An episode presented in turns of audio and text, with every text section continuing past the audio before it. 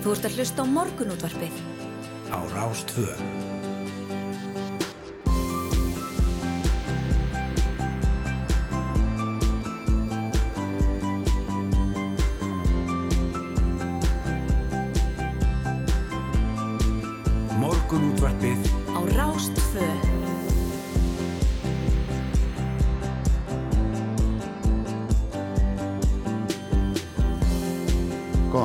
Góðan daginn, það er morgun útvarpið á Rástöð sem að helsar þennan eh, morgunin og umsjóna minn dag Rúnar Róbertsson og Felix Bergsson. Já, komið sæl og blessuð og góðan og blessaðan daginn. Já, Eh, það var aðeins blöytt á hjá okkur í morgun í höfuborginni. já, það er svona pínulítið, ekkert alvarleg. Ekkert alvarleg. Nei, nei, nei, nei, nei. Svona fín gróður skúr, Nákvæmlega. það er ekki það sem okkur vantaði. Jú, akkurat það sem okkur vantaði hér. Maður er búin að sjá svo mikla hita á samfélags, eh, á miðlunum sko, Já. frá Evrópu þannig að mann hugsa, maður hugsa, já, gott að fá regninguna. Já, gott að fá það smá regning. Maður þakkláttur fyrir þetta. Kæla sig fyrir hönd annara. Já, akkurat. Það er svolítið svoleiðis. Það sem við ætlum að gera í dag eins og er, eh, við fáum tæknihotning, Guðmundur Jóhansson kemur til okkar, við ætlum að tala um íslenska landsti í knæsputnum Gvenna. Lög, kettni, það er hérna sem lögu kettni í gær á EM. Nákvæmlega við ætlum að tala eins og leiðtóðakjör breskra íhaldsmanna. Já, einmitt, Það er aldrei stór, svona stóra fréttamálið svona þessar, þessar dagana. einmitt. Og svo ætlar hann Vali Gunnarsson, sagfræðingur og reytufundur að senda okkur pistil frá Úkrænu. Ætlum að heyra það hér eh, bara sem fyrsta efni, 7.15 cirka. Og hérna, eh, hann er á, á ferð þar og, og, og lýsir því, það sem, því sem fyrir augu ber. Nákvæmlega og er nú bara reynlega aðal, aðalfréttin á vísi þennan morgunin. Já, hann var handing. Já, við verðum að skoða þetta á eftir. Já, gerum Ha, það. Gerum það. En eh, kannski kíkjum á, á blöðin svona áður en fáum fréttir klukkan Já. sjö. Morgunblæðið er með fórsíðu mynd í dag af stelpunum okkar í, í íslenska landsliðinu. Það fyrir tablust heim af EM og það er myndaðum eftir leikin þar sem er að þakka fyrir stuðningin með uh, vikingaklappinu Já, og hérna það er nú ekki gladbeittar að sjá. það mættu vera klapa. Nei, ég skil Nei, það en þetta óskup er, það eru sársvektar að hafa ekki farið áfram. Ég meina þetta er náttúrulega þrjú stegi í riðlinum og þrjú jafntöfli þannig að þetta er, Já, en þó einhver tíman hefði það dugað en það Já. dugað ekki að þessu sinni og, og það er kannski þetta mark sem að ítalarnir hefðu mátt þarna já, sem við skorum út af frökkum. ég, ég, Það ekki ég, 5-1. ég, eða, eða þetta eina mark sem þeir skora móti belgunum í gær þær áttu vist Já. alveg óteljandi tilraunir en náðu ekki að það, skora og þarna, en 1-1 hefði þýtt það við hefði farið áfram sko það með svona. við þessi úslit sko þannig að þetta, þetta gat ekki Nei. ekki hérna, sorgleira verið Hvernig fannst þér, ef við förum svona aðeins og fabulur um það, hvernig fannst þér að var hjálpað okkur í þríká? Já, Tvö mörg dæmt af og svo fengum við vítaspinnu. ég verð að segja sem Leopoldmaður hefur verið tóltið pyrraður út í var í gegnum tíðina en, uh, en sem aðdándi íslenska kvennlandslýsins í knæspinnar ég hæst ánað með var Mér fannst, mér fannst þetta, þetta, þetta, þetta rángstæða allan tíman, það þurfti Mm. ekkit var til þess, ég skil nú eiginlega ekki hversna það þurfti eitthvað að fara í var til að komast að því að þetta rángstöðumark var rángstöðumark, það var alveg greinilegt já.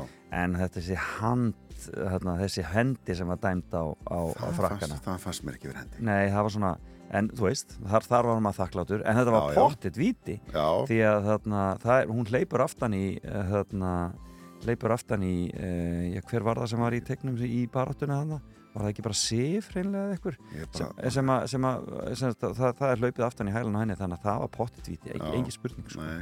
þannig að þarna flott að maður spotta það samt. það, var mjög flott í, í, í varherbyggjun að ná því sko. Já, líka því að kom svo langt fram yfir og það var eða búið og, það var bara, þetta eru reglunar og Já, Einar. Örn vildi nú að það er reiknað allt saman aftur því að hann vildi meina að þessar 6 mínútur væri ekki liðnar, það hefði verið ómikla tafir þetta var komið í hvað 12 mínútur hann í lokin Já, 12 mínútur í uppbóta tímum já, já, samt var það tafir og meðan á þessum, þessum tólf mínúndum. Já, Þannig þetta var endalins var, var skoðanir. Já, það var, þetta, sko- var, þetta var uh, rosalega skemmtilegt og gaman að sjá þennan leik og ég meina að sjá þær standa svona vel upp í eh, hárinu á liði eins og franska liðinu. Já, og bara ná í aftur bara frábær, frábær úrslit. En við heyrum betur að þessu hér eftir því við ræðum þetta við mána. Já, já, Þorkild Máni kemur En það er sama fyrirsögn á báðum blöðum, það er Mm. Míla og uh, Vilhelmar Átnason er að tjá sig á fórsíðu fréttablansins og hann bara, fyrirsögnin er eitt aldrei sjokkarendi, telur orðspor landsins í hættu vegna Mílu. Og, uh, og það þetta snýst náttúrulega um að samkjörnuseftirlitið er að setja skilirði uh, fyrir kaupunum en eh, franska fyrirtæki sem ætlaði að kaupa þarna á 78 miljardar eh, er að segja að skilir eftirlitsins séu of íþingjandi Já, og þarna skilirinn er eitthvað á þá leið að, að uh, það er ekki hægt að skilir það að, að síminn sé ánfram stærsti kunni í mílu.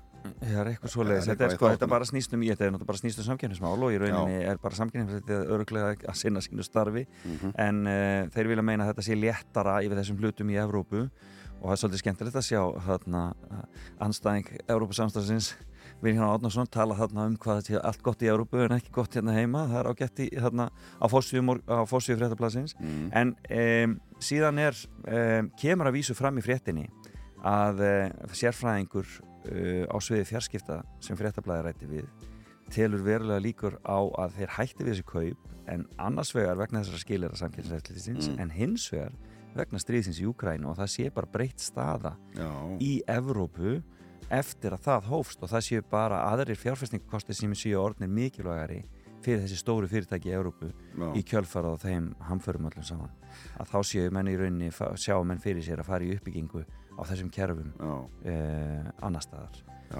Er, og, vi- og, og hættir að horfa þá til Íslands á saman máta. Þannig að þetta en, Svo- þetta sem afsökun. já, en svo sé ég aftur á móti að Orri er jákvæður í hérna á fósíðu morgunblassins Já, hann segir að viðbröð sangirnir eftirlitsins komu óvart og, eh, og eh, segir að eh, þeir munu vilja semjum lægra kaupfráðmílu eftir þetta andmannaskjál sangirnis eftirlitsins og og aðal á ekki já, hann segir hérna, Míla er ekki sennilega eign ef því fylgja ekki viðskipt við stærsta kúnan að minnst að kosti þann sem er með mestu viðskipti við félagi í dag, það getur vel verið að aðrir viðskiptavinni Mílu stækki umfram með síman í framtíðinni sérstaklega þegar Míla er farin úr eignarhaldi símans.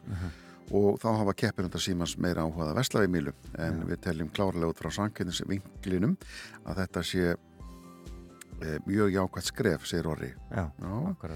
Heiðar Guðjónsson fórstur sínar segir að eh, eignarhald símans á Mílu hafi slæm áhrif á markaðin og hann vona kaupin gangi í gegn. Já, og hann gaggrinn einhver lengi máli var að borðið ske já það, sannkynnis eftirlitsins það er öruglega hægt að gaggrina það. Átta mánuðir er ansið langu tími og það, þetta, svona hlutir þurfa náttúrulega að taka aðeins eitt tíma. En, en þetta verður öruglega rætt mikið á næstinni, þetta er náttúrulega gríðarlega fjármennu 79 Já, miljardar, þetta er ekkert smáræði. En, en svona fjárfyrstingarsjóður að kaupa Mílu, eh, kaupa síma innviðina hérna. Já, e, maður svona velti fyrir sér af hverju, ég menna er þetta góður fjárfyrstingakostur ég greinilega. Það hlýtur að vera. Ég það, ef maður er tilbúin að hendi þetta 79 miljardum þá ég myndi halda það, ef maður kefti eitthvað á 79 miljardar þá ætla maður að fá þann pening tilbaka. Já, það er ljóst. Það er alveg ljóst. Já, já. Segir Em, kannski hvað átt að eyða í farsíma þeim Nei, þetta er Það er, maður skilur ekki svona tölur heldur. Nei, þetta er alveg ótrúlega háar tölur. En þetta verður alveg pottit rætt mikið. Já, Svo er þeirra fréttablaðinu hérna þeir eru að tala um ástarsögu J-Lo og Ben Affleck. Þetta er alveg aðalmálið. Típið svona já, einmitt. þetta sé bara ástarsaga sem er jæðri við að vera eins og kvikmynd sko. Líkust ástarsögu á kvítatjaldinu já. Endar þetta þá ekki sem kvikmynd? Ég ætli það ekki. Jú. Það, Við skulum bara gera það Já. Allir leikir sér sjá leiki sjálfa sig, það er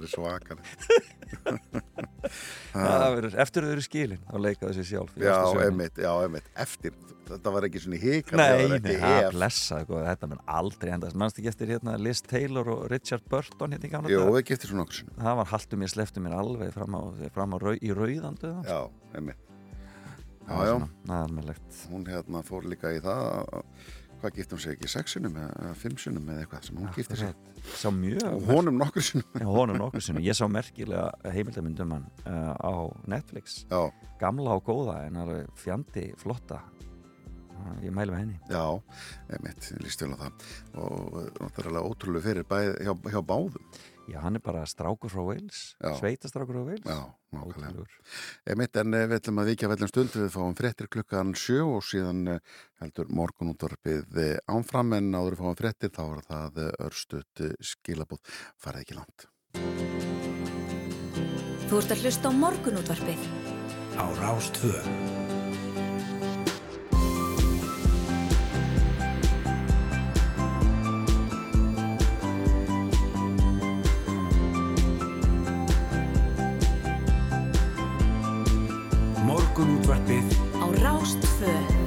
Já, komið sæl og velkomin á Fætur. Það eru Rúna Róbertsson og Felix Bergsson sem heils ykkur hérðan úr efstaleitinu.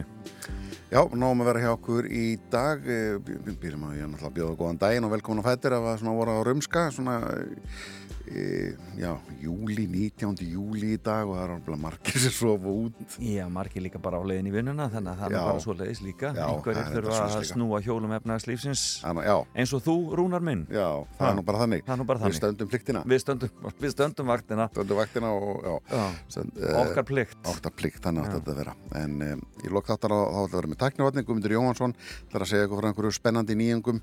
Það er á Já, að það er alveg, hann var lindadómsfullur í talaðan ekki. Já, og svo eftir átta ætlum við að ræða um íslenska kvennalandsliði sem bauð upp á enn einn spennuleikin og þriðja jafntæflið í gerðkvöldið þegar það stóð upp í hárinu á gríðalega sterkuliði frakka í leik sem endaði með jafntæfli 1-1. Þetta var þriðja 1-1 jafntæfli í Íslands á mótinu en því miður duðuð ekki til að tryggja okkur áfram í milliriðila. En við ætlum að spyrja hver er staðan á íslensku kvennafókbalta og hvernig getum við metið framistöðuna á þessu móti? Og það er þjálfvarinn og fjölmjölamadurinn eh, Káti Máni Pétursson sem kemur í morgunkaffi. Já, hann eh, hefur skoðanir á þessu. Hann hefur skoðanir á öll máni, sko.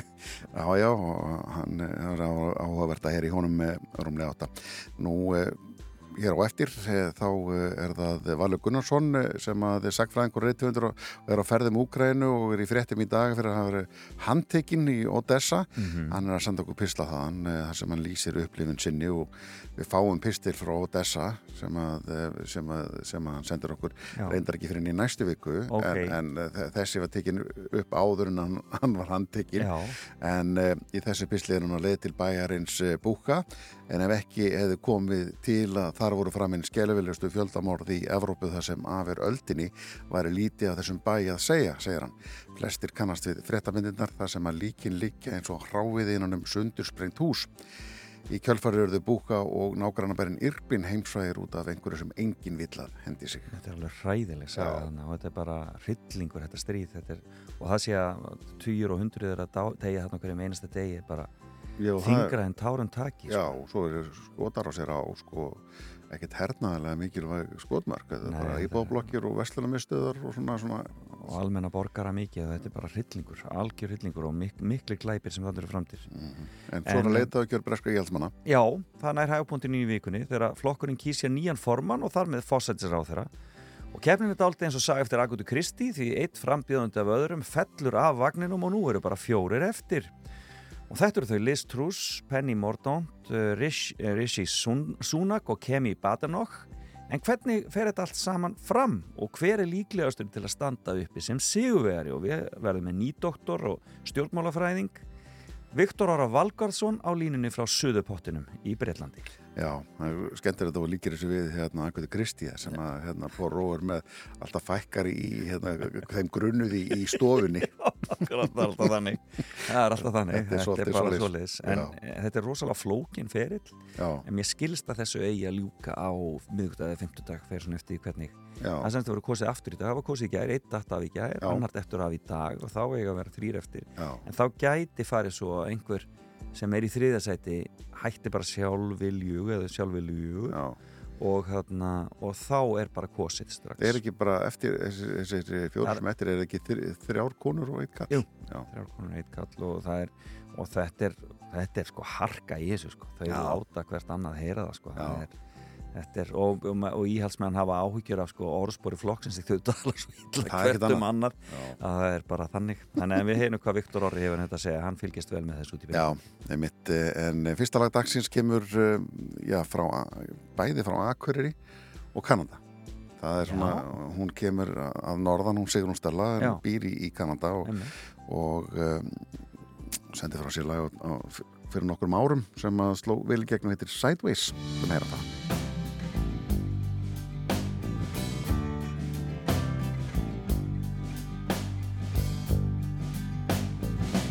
Chasing the days from your past Sketching the stars on your back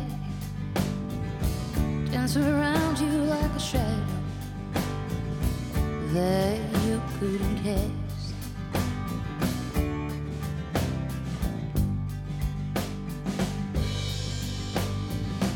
I can compete with her eyes, tucked away under stormy skies. Tied up and twisted, I fall on my feet, and I cannot speak. Cause I'm feeling weak. You know what I'm saying?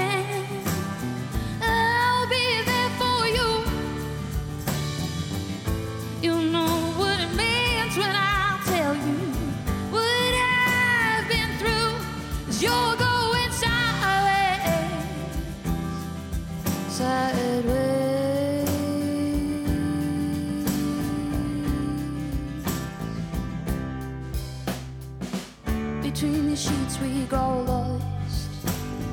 When I see you, I feel a thousand knots. Tied up and twisted, I fall my feet, and I cannot sleep. Cause I'm feeling weak. You know what I'm saying?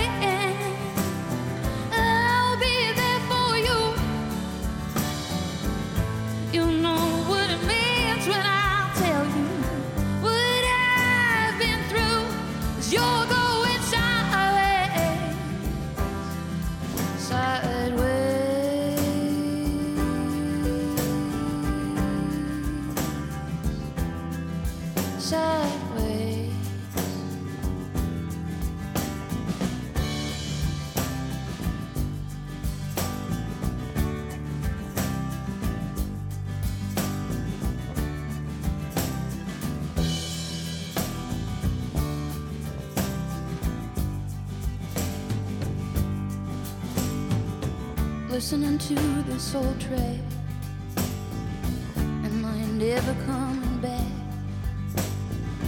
Tied up and twisted I fall on my feet. And I cannot speak. Cause I'm feeling weak. You know what I'm saying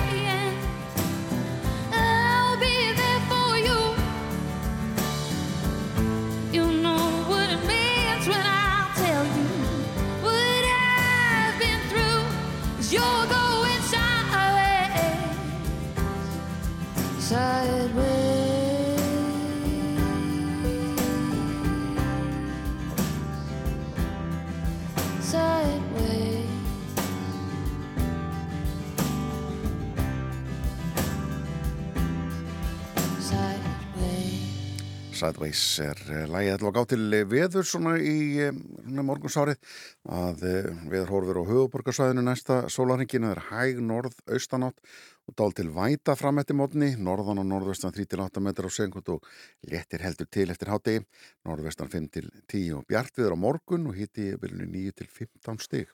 Já, hvorki meðinu minna. Mm. En uh, hugleðinga viðfræðings hljóða svo grunn lægð reyfist norðaustur skamt fyrir sunnanland í dag. Það rignir frá henni, engum á austanverðurlandinu en róvar til vestalands eftir háti. Vindur snýst úr austri í norðlaga átt og verður yfir þetta bylunu 3-10 metrar á sekund og hiti 11 til 16 stig en heldur svalara á austurlandi. Og norðan og norðvestan góla eða kaldi á morgun, dál til væta norðaustan og austanlands en víða bjart viður og suður og vesturlandi og hiti 8 til 18 stig og það verður hlýjast siðst á landinu.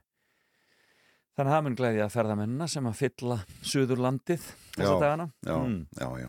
Það Og- er- og- það er uppselt á Suðurlandi, segir þér. Já, það? Já, alltaf rjála að gera. Svo maður að sjá á samfélagsmiðlum uh, fólk kvarta mikið við því að vera það er kannski bústæði apavatni eða lögavatni eða einhver hann og allt út bitið af uh, og menn kalla að segja lúsmi, lúsmi en þannig er mýðarna sem Já. býtur þannig að það er svo sem spurning hva, hvað er hvað en skiptir ekki máli meðan að fólk er út bitið þetta er Já, þetta er óþægilegt óþægilegt. Mm. Já, alveg óþólandi þetta mý. Það- Þeir þekkja það við mýva. Þeir þekkja það við mýva. Já. En uh, mann bara lifa með þessu. Það er. Ekkert öðruvísi. Það er ekkert öðru sér. En uh, Valur Gunnarsson sagfræðingur, hann var handtekinn uh, af herrlauruglu Jótessa fyrir að vera úti við eftir að útgöngubann tók gildi. Já, þetta gerist í gerkvöldi. Já, og hérna, hann var að leið heim á hótel um klukkan 11 þegar útgöngubann tekur gildi og fekk ekki leigubíl og, og bara með þetta samme var hann handekinn og stoppar af herrlauruglinni en e, hann lítur að hafa komist ferða sinna eftir að hann ferður upp á stöð og hérna og svo voru hann skullað heim Já, þetta er náttúrulega, já, já, hann segir sko að það, hérna hann er þarna með Berki Gunnarsinni kveimundgeramanni og þeir hafa farið víða í Úkræinu og þeir segja að e, allstæðarlandinu takja þetta útgöngubann gildi kl. 23 en á öðrum stöðum hafi því ekki verið framfyllt að mikill í hörku fólk sé á götum úti alltaf miðnætti en e, Ódessa er náttúrulega e, eina af þessum líkil borgum í þessu stríði Já. þannig að það er tekið hardar á þessu þarna að útgöngubannið er ekki ekki virt. Nei, einmitt hann segir hérna að hann þar sem að einhvers konar tengiliður fjölmiðlamenn var honum innan handar og eftir smá stappa ákveðir að skuttlanum heim. Þeir fussuð og sveið og sögðum er að fara varlega en það var allt í mestu vinsand, segir hann. Loka niðurstaða málsins var svo ég verð sendur og einhvers konar uppeldisnámskið á morgun að saman álæra að haga sér. Og það hefist eitthvað sem allir blæðmenni óta segja að fara á en það er ekki í Lviv eða, eða Kíf, já, það sem hann er búin að vera. það sem hann er búin að vera, já, þetta er ég býstu að þetta snúist bara hreinlega um örgismálin hvað hva menn eigi að gera til að til að, að, að, að lenda ekki í, í hættu.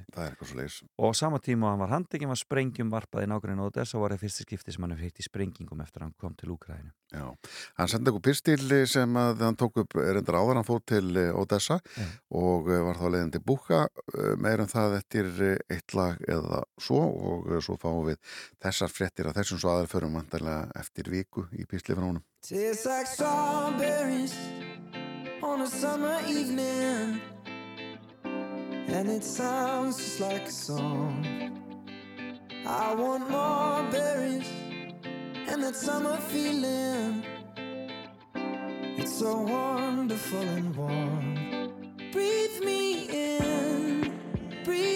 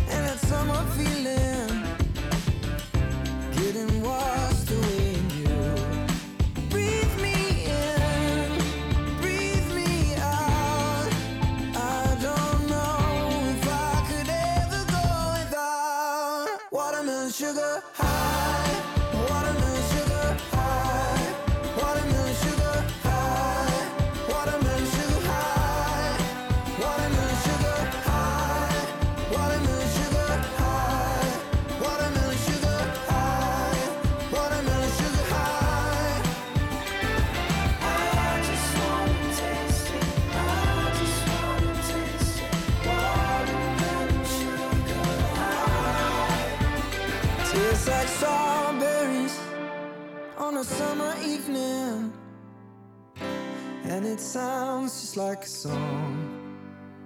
I want your belly and that summer feeling. I don't know if I could ever go without Watermelon sugar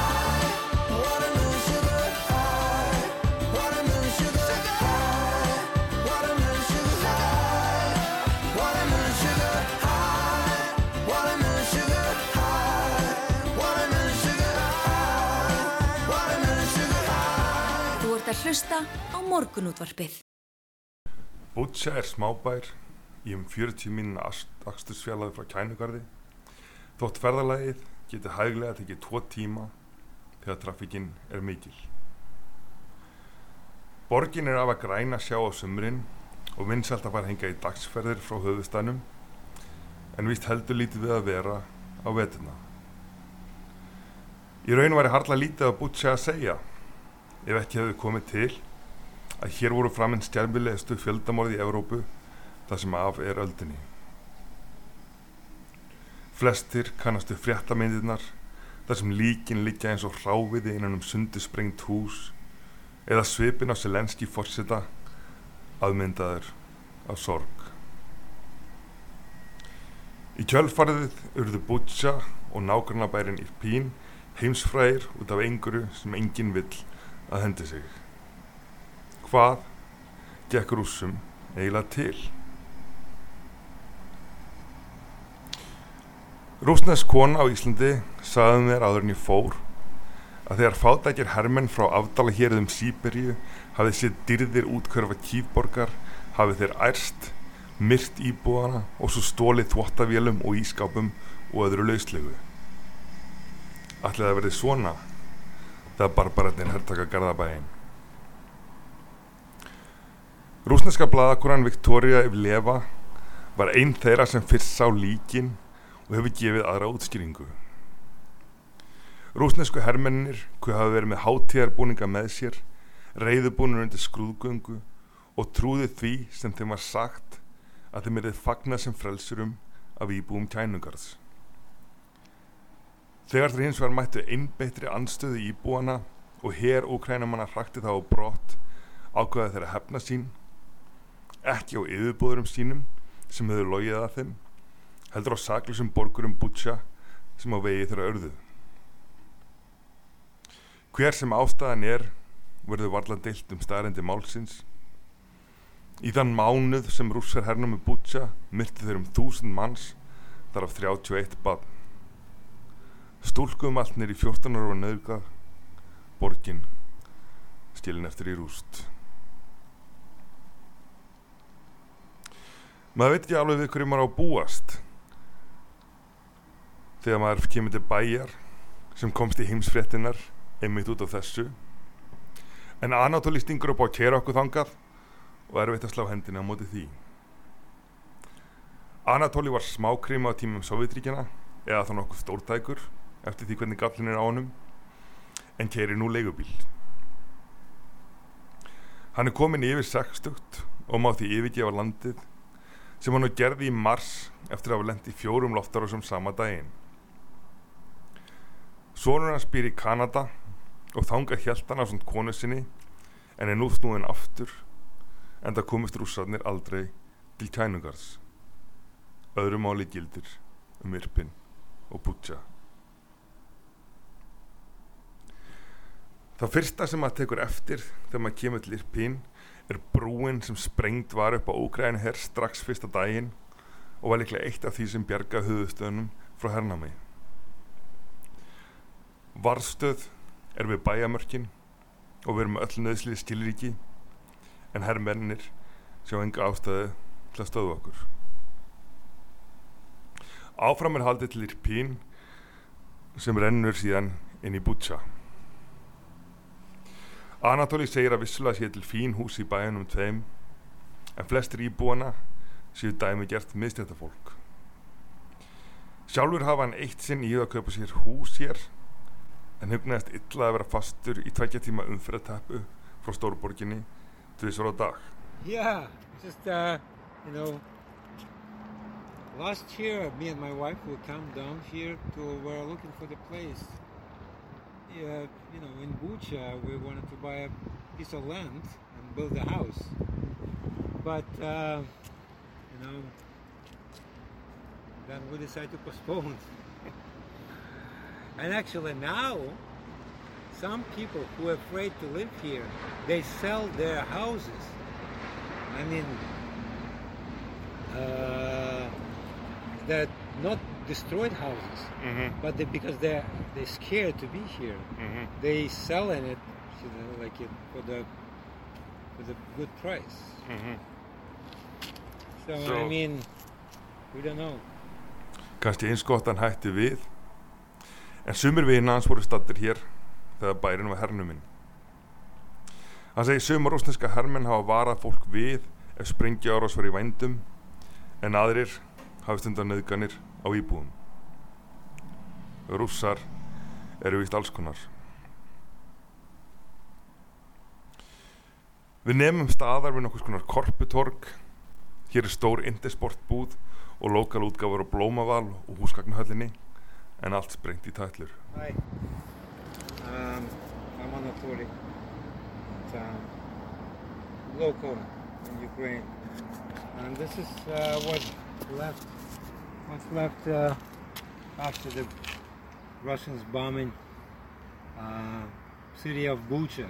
And this is the um, hardware store, distribution center where people come and buy things to build the housing and uh, repairing materials and all the building materials. And it was pretty big one and pretty successful. Um, now, you, as you can see, what's left has to be totally demolished and uh, um, Tvær eldri konur koma svífandi að þegar við nálgumst vett vanglæpsins. Í fyrstu velti fyrir mér hvort það vilji síðra við ljósmyndum hér en það er öðru nær. Íbúar bæjarins vilja fyrir alla muni að heimurinn viti hvað hér átt sér stað. Konunar er aðeins að vara okkur við að ganga ekki of nálagt því eitthvað geti enn hrunið úr henni sundurskotni byggingu. Е, Тому що, по-перше, це ваша безпека в першу чергу. Ви так близько підходите, ви думаєте, що ці моря сьогодні вітер. І нам Добре, ці що не- сказали. неприємності нам не треба, ще мир, мирового масштабу. Við höldum aftur í bílinn og keirum um bæinn. Vissulega má við að sjá vexumerki um átökin, byssukúlugöti í veggjum, sótsvört og hálfhrunin hús. Á einum stað hefur bílhræðin verið safnað saman. Þegar bílar brenna virðist allt fara nema álið. Hitt veikum meiri furðu hver mikið líf er hér þrátt fyrir nýjafstanar hörmungar. Fólk er yfir við kólun í sólinni, úlningar kissast í strætóskilum inn á milli átakasvæðisins. Vafalítið eru margir með ör á sálinni, en lífið finnur sér leið. Úkraina er ekki dauð enn. Á ljósastöreinum er auðlist eftir Páagauk sem var sleppt lausum þegar rússarnir komu og eigandinn vonast nú til að finna aftur. Hundruð katta, hunda og jafnvel hesta lenda á vergangi í innrásinni og hafa sjálfbáðarlegar unni mikið starf við að sapna þeim saman og fóðra. Jafnvel var haldið í hernum með hundaskíla með að skotri átti sér stað til að sjá til þess að hundarnir siltu ekki. Líf er í óða önn að snúa aftur til Butcha og Irpin en það sama á ekki við um borgir í austri sem laður hafi verið í rúst og lúta nú hernámi svo sem Mariupol og Severodonetsk. Mariana var að kljá, klára sálfræðinám og var stödd í Kív þegar harðast á barinn fyrsta mánuðin. Þá svaf hún í nýjangjörlista stöð þar sem hleri var dregin fyrir á nætuna svo hvorki var hægt að komast út nýjainn. Neðangjörlistin hér er djúb og stöðvarnar gerða að standast loftar á sér en fyrir mann með innlokuna kent hljómar ekki vel að vera lokaðurinn í undirgöngum á meðan loftið nötrar. Og vissulega voru sem hýpili höfuborgarna löði í rúst en mikið er nú af uppbyggingu. Mariana segir þrjár nýjar blokkir hafa risi í sinu hverfu undanfennum dögum. Margi vilja flytja því kýf, hér eru góða loftvarnir og rússarnir ekki svo íkja nálagt og því líkur á að finna vistarverur fyrir sem flesta. Hér er allt til í búðum og lítið um vöruskort eða skömmtunasæla. Öllu verra er ástandið í austri og í suðri. Og þangað höldum við næst. Þú ert að hlusta á morgunútvarpið á Rás 2.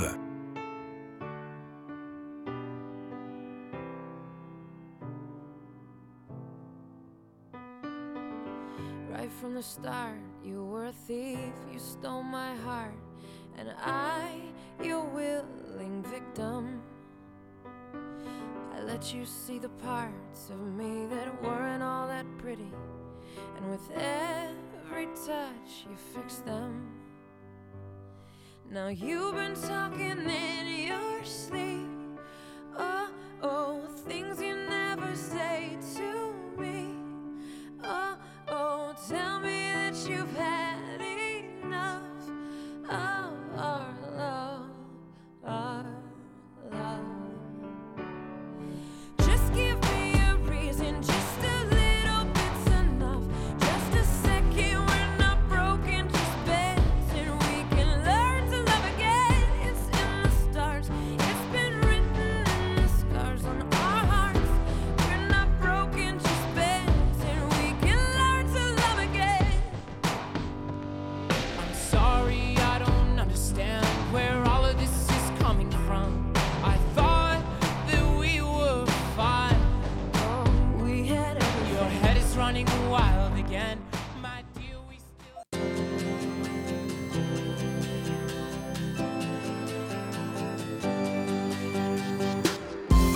Hlusta á morgunútvarpið.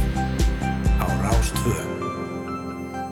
Já, allum að halda áfram hér í morgunúttarpinu Rúnar og Felix með til klukka nýju þessar fréttir um að það sé búið að semja við flugminn SAS þetta er áhugaverðar. Já, já, það er mjög jákvætt svona fyrir þá sem eru á faraldsvæti í sumarfrínu sínu. Já, þarna, þetta kostaði SAS skilst með miljard á dag að, maður bara skilur eiginlega ekki hvernig þetta flugfélag hangir uppi mér það er alltaf verið að spá spá dauða þess en einhvern veginn hangir það. Já, og hérna, það verður áhugavert að sjá hvernig það spilast úr þessu hjá þeim. En vonandi er þessi samningar þannig að allir geti sætt sig við það og, já. og það verði. Voru þeir ekki eitthvað kvarti við því flugmenn að hérna félag verið að fara að semja við einhverjar uh, starfsmannalegur og eitthvað slíkt Jú, þetta lækka. snýst um það. Þetta náttúrulega er sko, það, það er náttúrulega svo mikla breytingar í þessu flugi og það er það sem er stöðugt verið að, að berjast um. Við sáum þetta bara hjá Æslandir þegar Æslandir var í sínu vandræðum sko, þegar þeir ráku alla og byrjuðu að ráða aftur að það var, það var svona svipuð við sko, að, að það, er, sko, það, það er svo mikill launamunur virðist vera víða. Já. og svo eru náttúrulega hér stjættafjölu kon með góða samninga sem að eða með samninga sem að eru hærri heldur en já, ég kannski myndi- tekist annar staðar og þá er það bara er, er, og svo er þetta alltaf á alþjóru markaði og hvernig þetta er Já, og ég tala nú ekki um, sko ég veit að lági þetta flugfélög með uh, íslenska starfsmenn, það gangi eiginlega ekki upp Já. því að það þarf að ná kostnáðinu meira niður heldur en heldur en nefnitt kjara samningar hér segja til um, er það Nákvæmlega. spurning hvort að sé hægt að vera með íslensk lágeta flugfélag, kemur í ljós? Það kemur í ljós, já, já, alltaf play, play er nú kannski þarna, þarna. Þú Já. að tala um play. En, þarna, en um, svo er, svo eru verkvöld hjá sko Ryanair og er ekki EasyJet, er ekki, er ekki verkvöld um alla Európi hjá þeim líka? Já, það, Já, þannig að það er náttúrulega, þar er fólk fær fólk sér fullsatt að þessu þessu lá, þessum lágu launum. En, en svo talandi, já, en svo endar þetta náttúrulega alltaf því að við borgum þetta. Já, sjálfsögðu. neytandinn borgar og Já. þarna að svo er þetta náttúrulega félug sem ganga all út á að græða já, og að eigendunir fá í, í sinn hlut. Akkurat einhver ákveðnur uppæðir, þannig að það endar með því að við borgum þetta allt. Já, já, við borgum þetta, það er alveg saman hvað ber niður, hvort það er ríki eða, eða einhvað en við borgum þetta alltaf andanum. En eh, áhugavert þegar við tölum um flug að hérna ekki nóg með allt þetta vesinn á flugullunum, manneklu og annars slíkt og tafir og aflýsing á flugi. Mm. Þetta er svo bæ, bæ, bættist við í gær, lútum flugullu lokar vegna þess að Malbyggi var bara brán. Já. Við erum þetta sukkubrón í Malbyggi. Já, svo er þetta lofslagsbreytingamál sko, það, og hérna, það var ekkert smá, smá yfirlýsing frá hérna, Antonio Guterres aðalfrangatastjóra saminu þjóðana sem er að við værum bara við værum svo heimska, við værum að stefna saman að sameigilugu sjálfsmorði Já, já, og það virðist vera að það á ekkert að gera í þessu. Það er alveg saman hvaða rástefnan fætur önnur sem samþykir einhvað og leitur var heims alltaf að gera eitthvað. Og svo kom þess að frétti núna frá Ástralíu að bara, dýr, bara á fimm árum sé bara, sé bara hörmulegt ástand á lífríkinu þar. Þetta er, þetta er, uh, manni finnst það erfitt að sjá þessar fréttir. Já, en svona er þetta. Svona er þetta. Svona er þetta. Er þetta smá stund að þá ætlum við að forrætnast aðeins um leiðtökjur breskara íhaldsmanna og uh, heyrum í Viktori Orra Valgarsinni sem er á línunni frá Breitlandi. En fyrst þetta, það er stjórnin, samsöða. nema hvað, nema hvað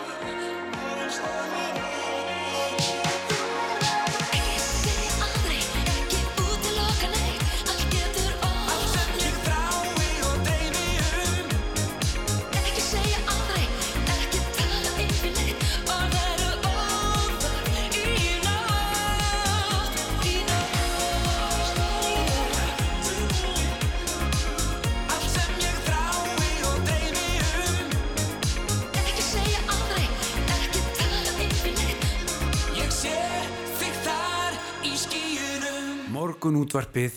Á Rástfö Já, þetta var þjóðagerðsuminn, stjórnin og Heldur eh, nýja lagi frá eða, þetta, þetta sam, þessi samsöða þeirra nýja. Já, já, hún er ný. Í anda Elton John og, og, og Dua Lipa eða eitthvað svo Já, það er svolítið svo leis Cold, hvað heitir það ekki, heitir það ekki Cold Heart eitthvað svo leis Já, akkurat. Þetta er, þetta er svipað. Sniðið, Já, sniðið mér er sniðut En leiðtóa kjör breskra íhaldsmannana er hápunkti nú í vikunni þegar flokkurinn kýsja nýjan formann og þar með e, nýjan fórsættisráþara í Breitlandi og keppnin er daldið eins og saga en þetta er Akutu Kristi eins og við sögðum hér í morgun. Já. því eitt frambíðandi af öðrum fellur á vagninum og nú eru bara fjórir eftir Liz Truss, Penny Mordaunt, eh, Rishi Sunak og Kemi Badenoch En hvernig fer þetta allt saman fram og hver er líklegastur til að standa uppi sem sigurvegari? Við erum með nýdoktor og stjórnmálafræðing á línunni frá Suðupottunum í Berðlandi, Viktor Orri Valgarsson. Góðan daginn.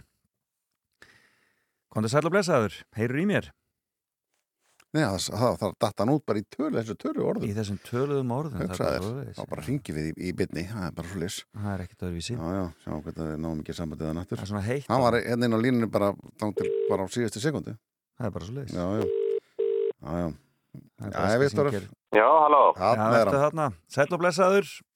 Ég er hér. Blessaður, hvað segir þið? Til hamingi með doktorskráðuna. Já, takk fyrir það. Heyrðu, en, það, en þú ert orðin, þú ert orðin nógu merkilegt til þess að hægt að tala við í útvarpinu núna. Þannig, hvernig er veðrið svona til að byrja með í, í, í Breitlandi þennan morgunin? Ertu ekki í bath eða eitthvað svo leiðis? Já, ég, ég, er, í- ég er í Bornamot núna. Það vorum í bað og, og já, ég var svolítið hlýtt, sko. Ég, ég var að veikina það. Það var, það fór í Það ræður eitt samband að þér hérna, það var vantarlega búið að brána einhverja línur hann að Já.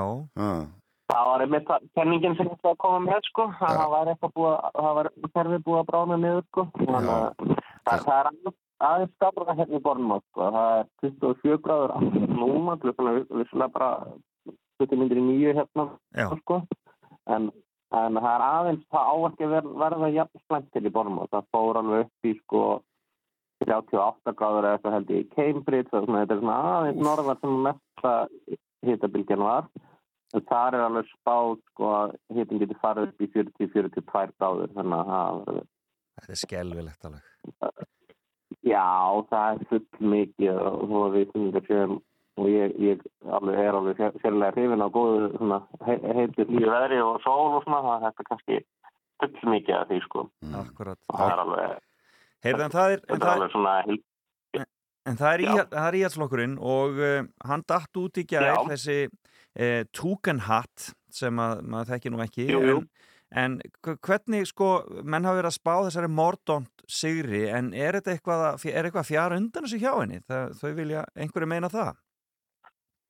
það er svolítið, svolítið erfitt að segja sko hvort það sé almennt að fjárundina því að sko þegar að uh, þau detta alltaf út náttúrulega eitt af einu og um, hérna Suella Bregðmann var kannski sem að datta til því síðast og atkvæðin hennar fara eitthvað annað og, og, og Penny Morton var ekki að fá neina atkvæðin á henni uh, og misti raunar eitt atkvæð þannig að það er mögulega að, fjara aðeins en hún sko uh, Suella hafði gaggrínt hana frekar svona harkalega fyrir að vera á vók og, og eitthvað svoleiðis og þannig að það kannski, hún kannski bjóst held ég ekkert við eitthvað rosamörgum atkvæðum uh, frá stöðnisfólki hennar. En uh, Tom Tugendhat er meiri svona meir, nær miðjunni þykir eh, skils mér og hérna svona aðeins meira candidate of change eh, svona, eh, tala um breytingar í flokknum og svona sem hún tala svolítið um líka.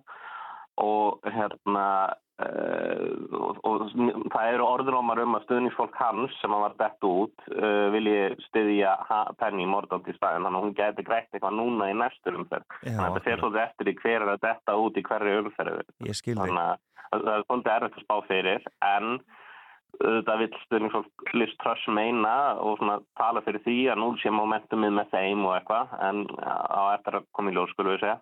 En Súnakar ennþá efstur?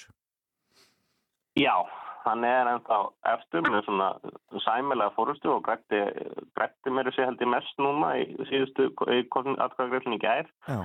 og hann svona er með alveg helbrið fórustu en það er svona að tala um að, að hann sé samt sko uh, þau sé ekki róleg uh, vegna sko þess hvernig atkvæðin munum kannski dreifast í næstu kostningum en lík næstu atkvæðagreifnum en sérstaklega út af uh, kostningunni meðal flokksmanna, flokksfólks almennt uh, sem að milli, veist, þar er hann ekki að koma vel út í könnunum. Þannig að þó að hann muni sennilega að vinna kostninguna meðal þingmanna þá er og hafið miklar áhyggjur af hvernig ver- vegnar í loka einu einu sko. En, hva, en hver, sko, hver, þetta er alltaf sko, þetta er flokkurinn á þinginu, þetta er þingflokkurinn sem er að kjósa núna á milli stöðugt og er alltaf að, þarna, en, en hvenar fá síðan almennir flokksmenn, þessir, þessir 200.000 eða hvað það er, að kjósa? Sko, sko það verður uh, sko, það, það á í ljós held ég á fimmtudaginn uh, mögulega uh, aðeins fyrir hvenar hérna sem sagt hva- hvaða tvö verða eftir Já. og svo, svo skilst mér að kostningin fari, sko, fer fram næstu sj- sjö vikur fram í september, 5.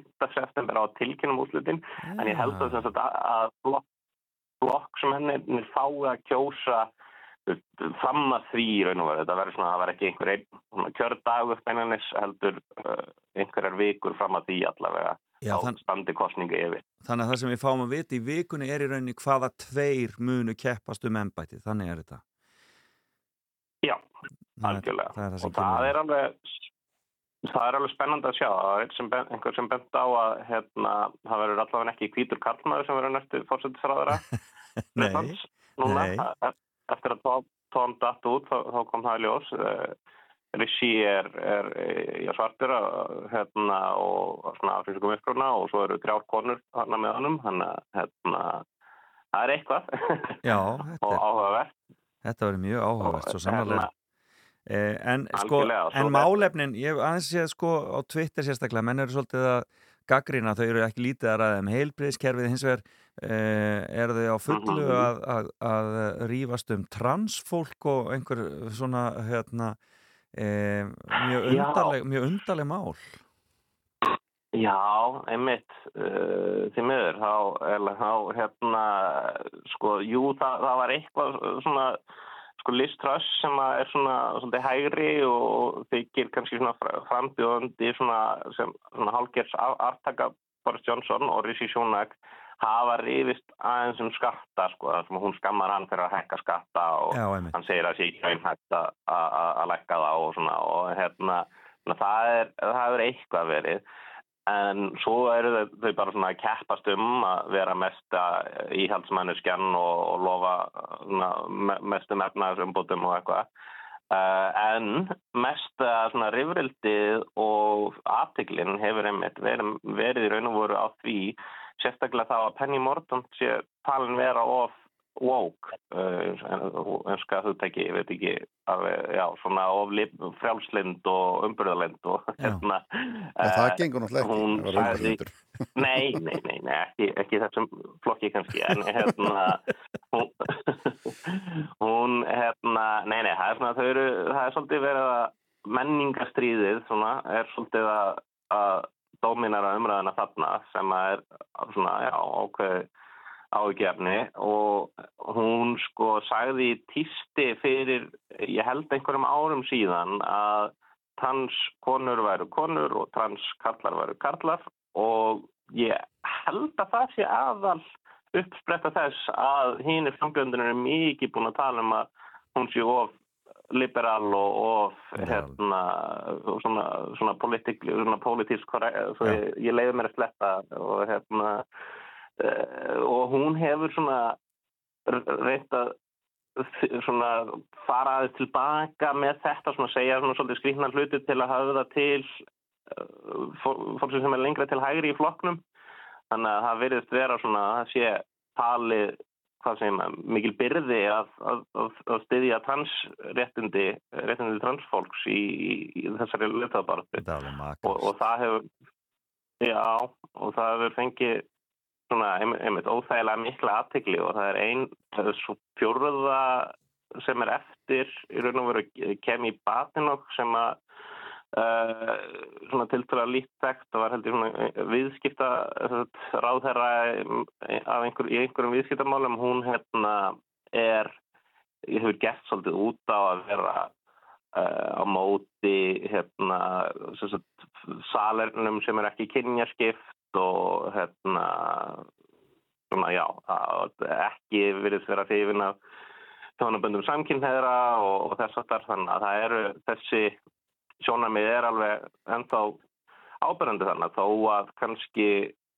ég held að Rissi Sjónak til dæmis, ég veit ekki til þess að hann hafi mikið verið að tala um þetta sko. Nei, nei. Þannig, en heldur, en hverjir spáur svona í lokin að hverjir heldur þetta verði sem að munu berjast um þetta að lokum? Verður það eh, Penny Mordaunt og Rissi Sjónak eða verður það Liz Truss og Rissi Sjónak en maður bara spyr beint út? Já, Eða verður Já, þetta myndi já, jafnvel, er- Liz Truss og Penny Mordaunt? Ég verður það jafnvel myndi þeirra tvekja?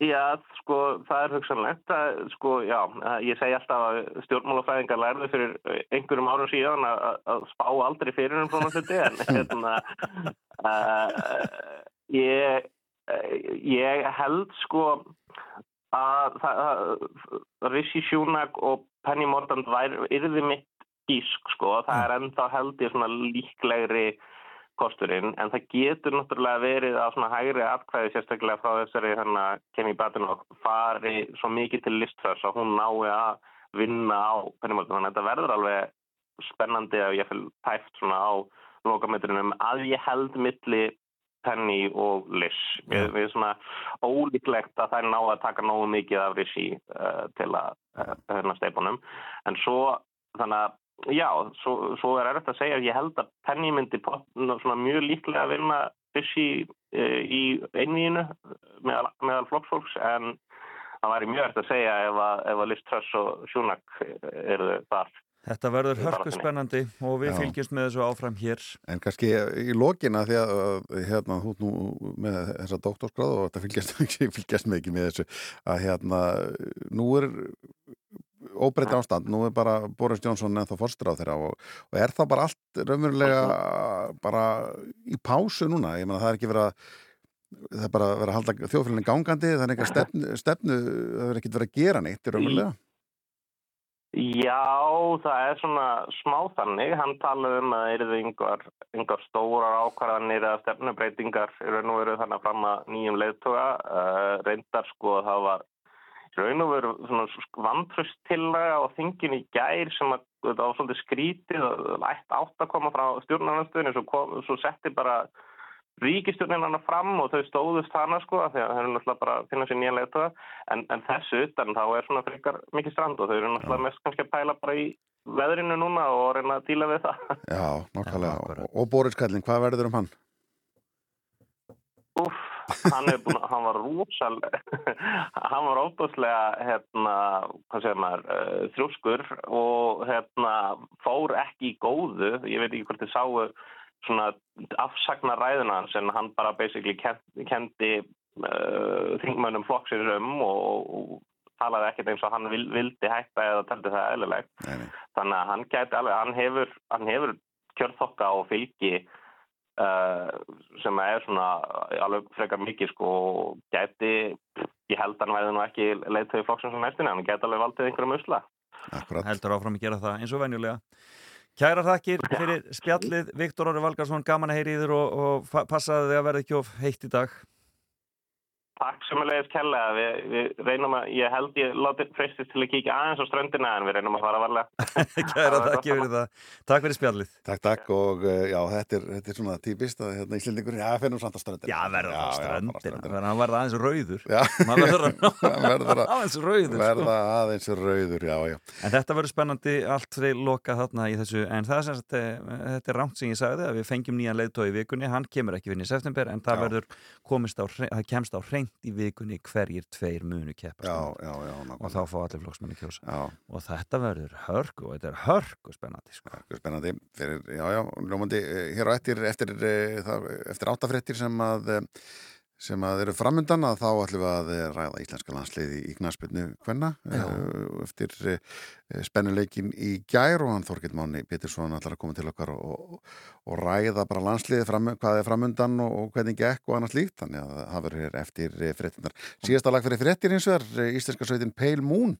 Já. og sem þetta er I Confess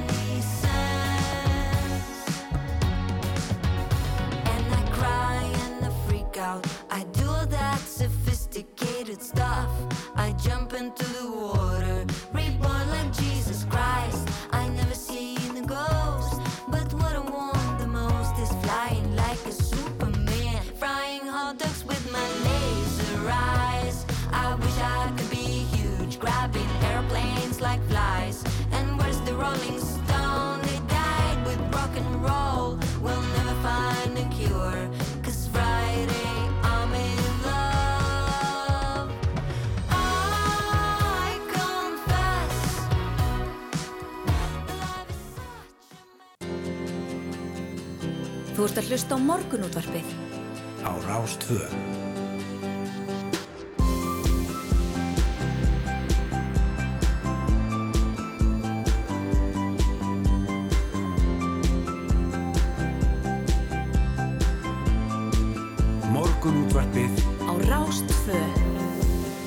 höldum áfram hér í morgunúndarpinu og uh, það er Felix og Rúnar með til klukka nýju þeirra morgunin uh, fótbolti, fótbolti, fótbolti framöndan. Já, við ætlum að ræða um íslenska kvennalandsliði sem bauð upp á N1 spennuleikin til viðbótar með jafnteflin í gerkvöldi en á móti frökkum því frábæra liði en uh, við ætlum að ræða þetta hérna við Mána Pétursson. Bara stöðuna líka svolítið í kvennafótboltanum Já, algjörlega, hér eftir uh, smá stundin áður en þið kemur þá fáum við svo eitt lag eða svo. Það er hún Una Torradóttir sem að á uh, það, fyrsta lag eftir áttafréttir, þetta lag eftir En.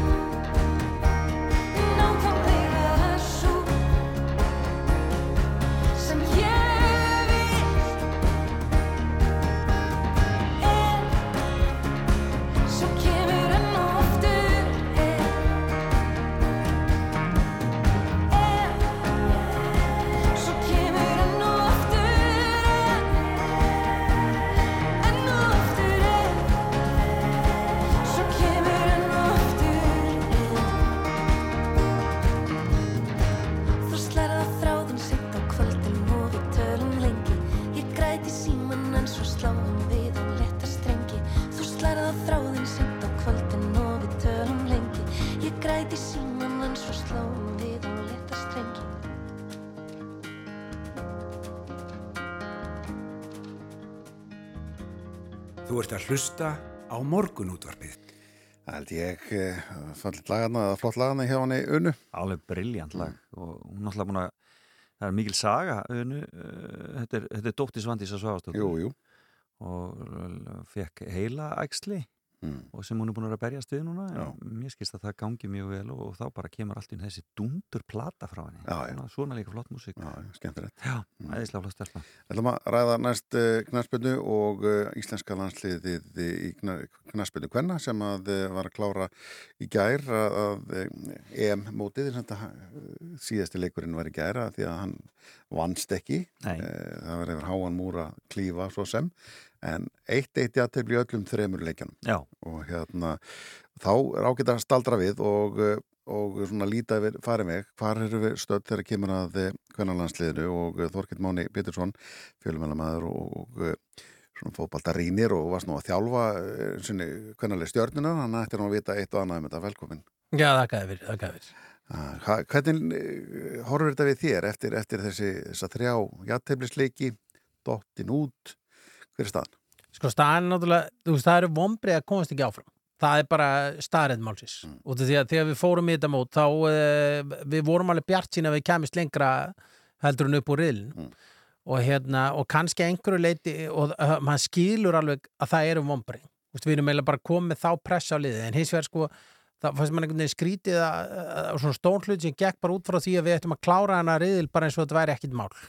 Og hérna, við höfum einu sinni komist úr, upp úr uh, riðli á þessu móti og, og það gerist 2013 og hérna, og við vorum ekki í neinum auðveldu riðli, við vorum með belgunum sem var samt það lið sem við áttu kannski líklegast að vinna sko, og ég held til dæmis að hefði niður en verið önnur á mótinu Já. og belgaleikurinn hefði kannski verið nummer 2-3 þá hefði við líklega komist áfram.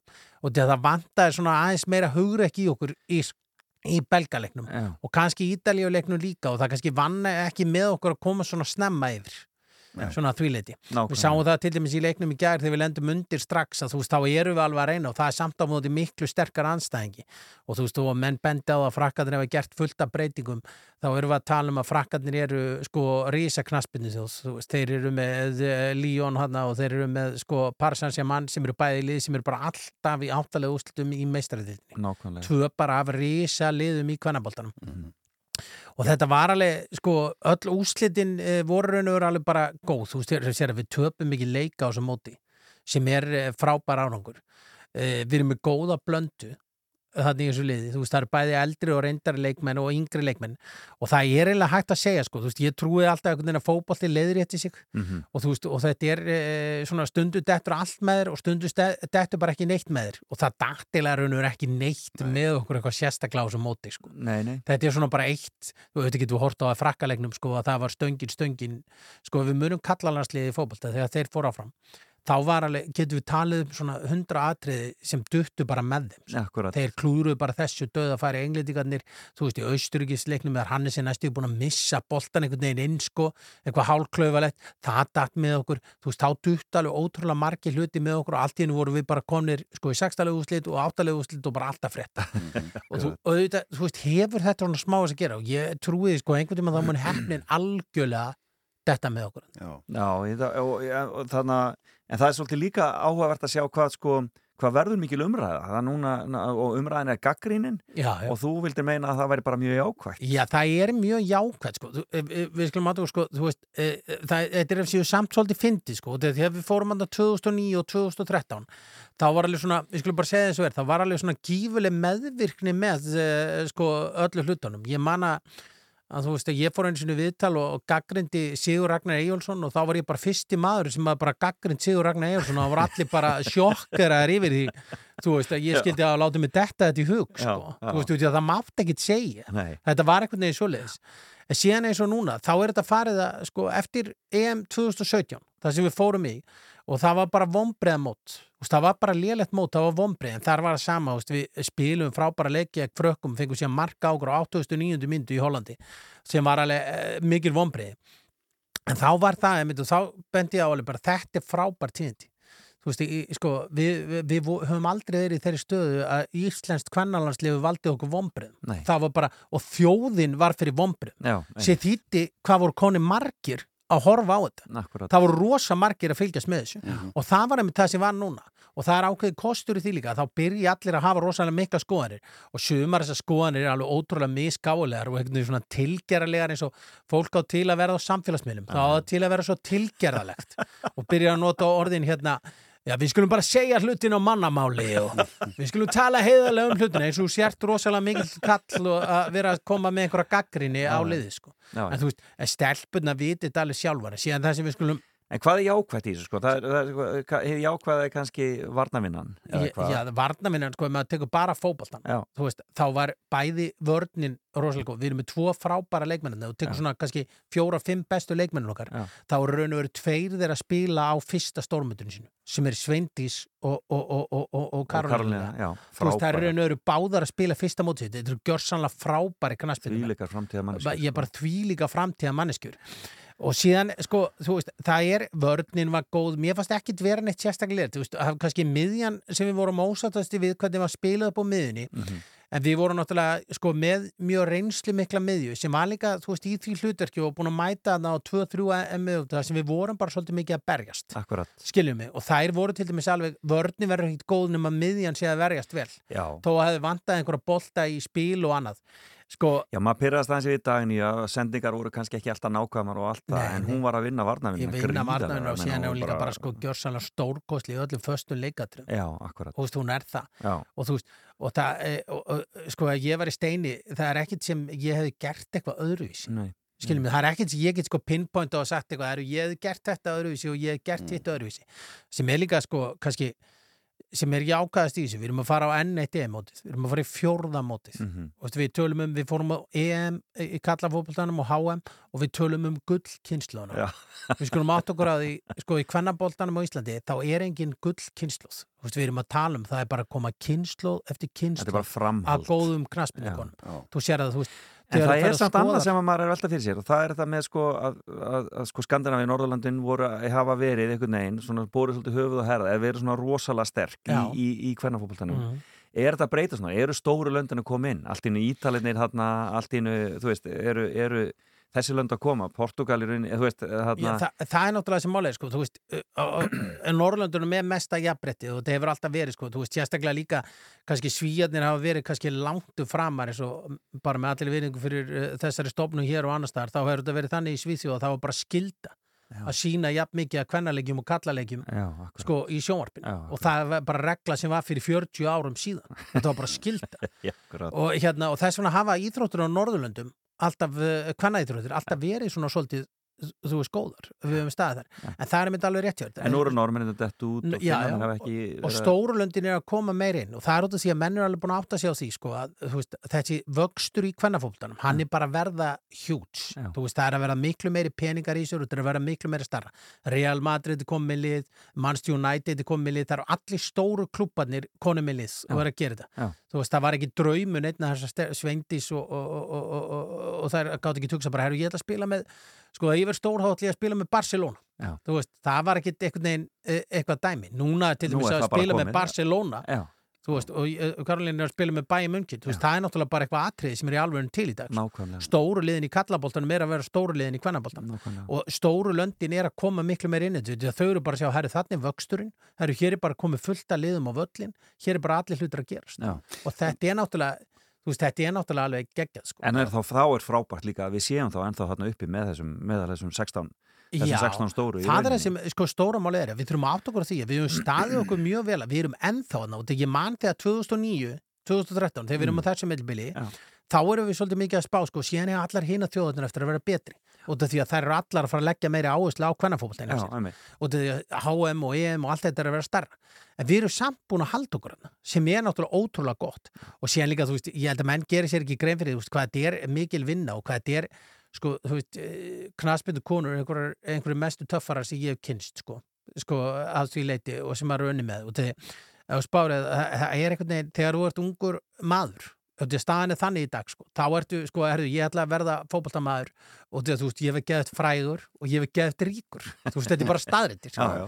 þú veist og ungi menn hugsa bara, ég ætla að vera frægur og ríkur og ég ætla að vera fótboltamaður og keira á það en þegar, sko, staðan er náttúrulega búin að vera þannig síðustu árin að þegar þú ert stelpaði fótbolta, sko, þá ættu bara að gera þetta ástyrðin, sko. Nákvæmlega. þú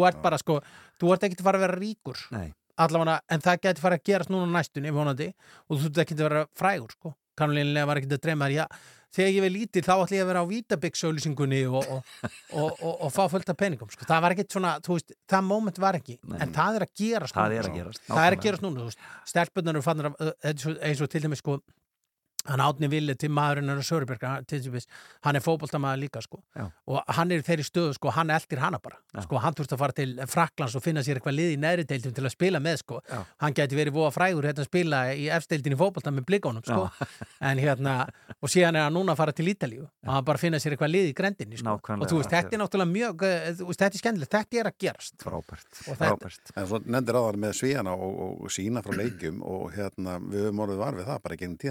Og þetta- Frábært. En svo nefndir aðar með svíjana og, og sína frá leikjum og hérna við höfum orðið var við það bara gegn tíðan alveg saman hvað íþrótt þú tekur eða þú sjónvarperinni þá horfir fólk. Já, já, fólk hefur bara svo gaman að íþrótt með þetta Þannig svo, að, þeim er meira sem við sínum að kvennabólta þeim, er betra. já, þetta er svo, svo hann össuvinu minn sem þú þekki nú Rúnar uh, hérna, hann uh, sko, hann uh, er svona ekki kannski típan sem þú hefur haldið að vera að fíla kvennafólta en hann hann til dæmis ringdi í mig í gær og hann var að ræða mikið um hennar kvennalegg og þetta og hitt og eitthvað. það eru allir otnir svona, sko, hérna, þú veist, fattin að hafa á á þessu. en Já, það er líka bara fótboltinn er líka orðin rosalega góður. Þú veist, það er sem málið, maður er að horfa að sjöma þessa leiki. Þú veist, það er ótrúlega mikil framför í þessu. Og hérna, og þess vegna er, sko, framtíðin er mjög uh, björt í þessu, hvað með, hvað með sóknarlínu hjá okkur? Er, maður er aðeins með áhyggjur af slúttinu, maður sendirarnir. Hvernig, Ég, sko, ég held að sendirarnir okkar hafa ekkert verið að fara verð með færi heldur en hinn sendir Nei, ef þú skoðar að sko fyrir utan ennsku sendirana Já, þeir kannski skoruðu og skoruðu en annars er þessi mót búin að vera 1-1, 2-1 og eitthvað svona dótir í sko Við áttum 24 uh, færi eða, sko, eða, eða, eða tilraunir á Mhm. móti belgónum og við, á eftir tvo leiki vorum við í fjórða sæti yfir fjölda tilrauna þannig að það var í rauninni alveg ótrúlega hvað við, hvað við vorum þó að, Að skapa færum. og allt. Og náttúrulega með þessa kanta, þessi nýja stelpa hvað heitir hún sem kom inn í gær? Þessi Uh, 18 ára? uh, Amanda. Amanda, Já. vámaður Já, hún er, já, þú veist, og hún er 2003 model Þetta- og, og þetta er stelpa sem er að fara að vera með okkur næstu árin sko.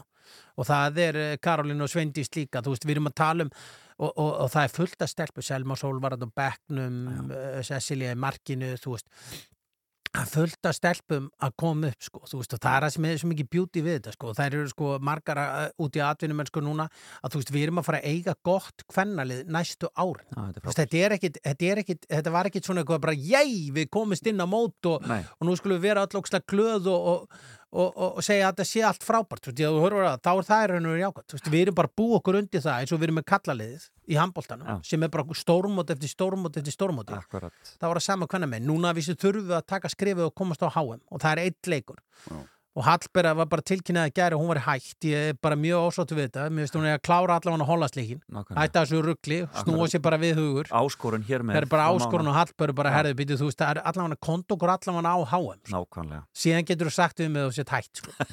hérna, en, sko, en þú veist, þetta er líka sko þessi stelpur er náttúrulega marga hverju þú veist, það er þurfið að fórna ótrúlega miklu fyrir þetta sko,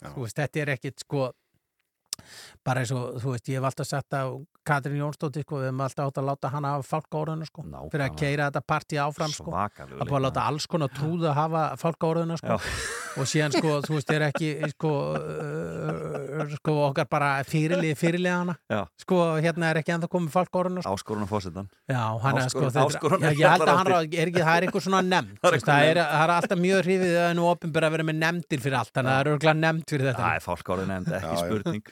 Ég held að við getum hort björtum með til framtíðar þegar það kemur að, að kvennaboltanum með allan eftir því sem að Mánu segir hérna. Það, það er bara bjart ef við viljum halda áfram að vera líka svona þá held ég að væri til mis frábær hugmynd sko, að, og því að það er, ég var að segja að vera meiri peningur svo kom fullt af peningur í Evrópu keppna uh, hvernig megin að þá væri náttúrulega gaman sko ef við viljum halda þessu partí áfram að uh, fyrirtækin og svona og fólk fara að mæta meira á völlin og fyrirtækin að fjárfesti í þessum liðum. Stiðja sitt fólk. Nákvæmlega, kæra þakki fyrir komin að Máni Pjöðsson Takk fyrir þetta og hér á eftir ára tæknihotni með Guðmundi Jóhansinni eftir frétta yfirleitt en uh, það er betri tíð framöndan við höfum alltaf að vona eftir betri tíð. Það er bara svo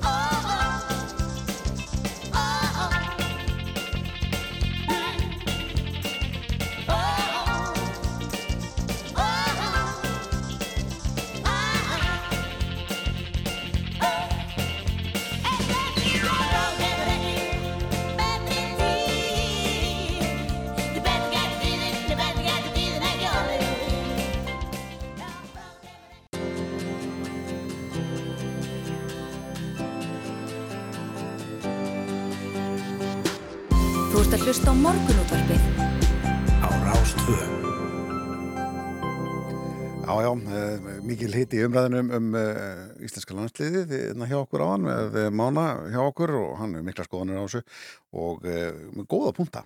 Já, mjög góða múnda, bara mjög skemmtilegt. Þetta verður, þetta, og, ég, og í kjölfara þessu er einmitt ástæði til að hvetja fólk til að halda áfram að fylgjast með hvernig fókbalta, ekki Já. láta staðanum eftir gerkvöldið og bara fara að mæta völlin hér heima og styðja liðin hérna heima og þessar stelpur sem er að gera svona ansið vel Já, nákvæmlega. og það, er, og það er líka svo áhugavert að þetta er að, að hvað þetta er að verða miklu stærra og það sé að koma miklu meiri peningar inn í þetta og annars Já. slíkt sem gerir bara þetta miklu þarna, meira spennandi á allan máta. Já, einmitt, mjög, mjög áhugaverði mitt svo, svo umræði sem að, það sem að mann er komin inn á með það, Já, einmitt, með, með, með peningana.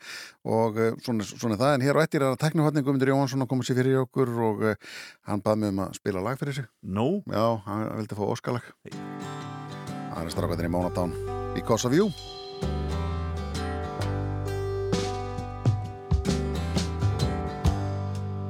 I was not like myself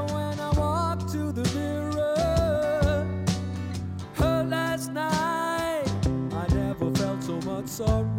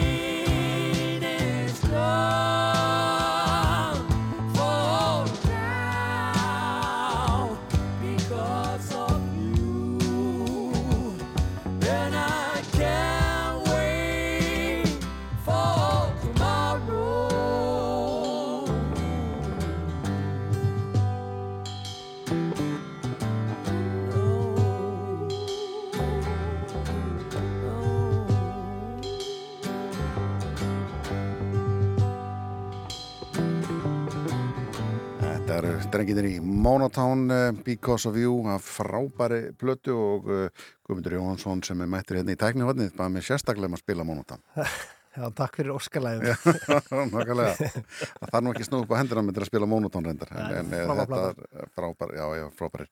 Þú mættur með eh, einhvern fróðleikum nýja tækni. Herði, já, ég ætla að hérna, byrja á að tala um hérna, Amazon og það sem þau voru að sína um daginn, þau voru með svona kynningar um daginn að sína það sem þau hefur verið að vinna að og var svo sem ekkit merkilegt þar, en það var einn hlutur sem fekk mig aðeins að staldra við og mér dætti að deila með ykkur.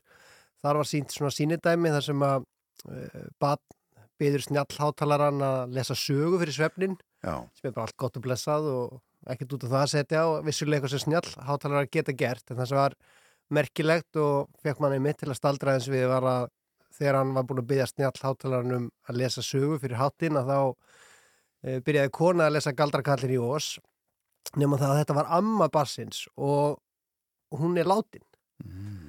Þannig að í raun og var látin ættingi bassins að lesa söguna. Hvað sem okkur finnst um, um það. Einhverjum finnst það pínu skellulegt og öðrum finnst það magnað. Mhm. eh, þannig eru bara búið að kenna gerfigreind að apa eftir röddu einhvers. Og það sem er svo sem, sem er ekki nýtt en það sem er kannski nýtt þarna er að Amazon hefur ná að þróa og hanna gerfigreind sem þarf aðeins um mínútu af hljóðbroti frá raunverulegum einstaklingi. Og svo getur gerfugreindirinn sagt hvað sem er sem viðkomandi óhugði hvort að það var í upprjónlega hljóðbrotinu eða ekki. Og við trúum því og heyrum að þetta sé viðkomandi Já. Þetta er ótrúlega. Já, þetta er nefnilega ótrúlegt. Þú nefndir þetta og held ég bara, já, ok, er að amman sem samt las inn á bækur hérna í gamla dag. Nei, nei, þetta er bara uh, búið að kópera röddina. Hún hefur aldrei lesið væntanlega galdrakallin í Nei, ós upphátt þannig að hljóðumi heyrði það, þannig að það er bara einhvað, Vá. einhvað dæmi hljóðbrot og öll eigum við náttúrulega, við erum alltaf með símana og alls konar tækja á lofti, við eigum hljóðbrot af alls konar fólki kringum okkur en þetta er búið að smíða er bara mótel sem að lærir um, öll blæbrigði rattar viðkomandi og, og bara hvernig hún er og bara algjörlega getur apað eftir henni þannig að við heyrum það. Og þetta er svo sem verið notað og verið flókið að gera og ég man hérna í heimildarmyndinni Roadrunner um sjónvanskokkin Anthony Bourdain þar heyrist hann, hann, hann lest 2018 þar heyri maður hann lesa tölvuposta þar sem hann er að lýsa upplifunum sínum og hann las aldrei þessa tölvuposta heldur Nei, það gerfugrein sem gerði það wow. Þetta er sama í, í þáttunum um Andy Warhol sem eru núna á, hérna, á Netflix það sem er Andy Warhol, sem sagt, þetta er dagbækunar hans Já. og hann er að lesa og það er bara hans rödd að lesa en það er bara, Hvert bara er- búið til með einhverju, einhverju, einhverju gerur Já, ég menna, hvernig er ám ára að fungera í framtíðinni þegar að sko, er að breyta rödd og viðkomandi sérst, tala í mynd Já. og maður trúir einhver sem að maður fær, fær á skjáni á sér. Það er náttúrulega alveg rétt og það er eins og það er fallegt og indislegt að barnabarnið geti heyrt ömmu sína að lesa sér í svefn það er vissulega fallegt Mm. en það er pínu skrítið kannski en það er auðvitað dekkri hliðar á þessu öllu hvernig er hægt að nota bara með djúpfölsunum og öðru svona, eins og þú ert að vísi að það er hægt að plata okkur hansi vel með tækninni eins og hún er í dag og veist, það er það er þannig því miður að, að tækin og tæknin til að gera þetta er, er eiginlega aðgengilega öllum. Þú þarf vissulega að eða smá tíma í að nördast í að læra á hana en hún er aðgengileg og það gætur hendur allir gert svona og það er ekkert langt síðan það er nokkur ár síðan ég satt hér og talaði um að neturíkisbrot í Bretlandi þar sem var ringt í fyrirtæki í Bretlandi og, og í fjármáladeildina og, og það er bara einhver saklega starfsmæður sem svara símanum og þá er það fjármálastjórun á línunni og beður hann vinsalegast um að millivara sem fyrst þennan hérna, peningin og þennan reikning til að greiða fyrir þetta. Fjármálastjórun ringdi aldrei, heldur var það tölvar sem ringdi og þóttist þeirra fjármálastjórun þannig að þú veist, það eru dekri hliðar á allri nótkunn og svona tækni en. Ma- en þú veist, það eldir okkur held ég alltaf, það er bara einhverjar verri hliðar mannlegs eðlis held ég.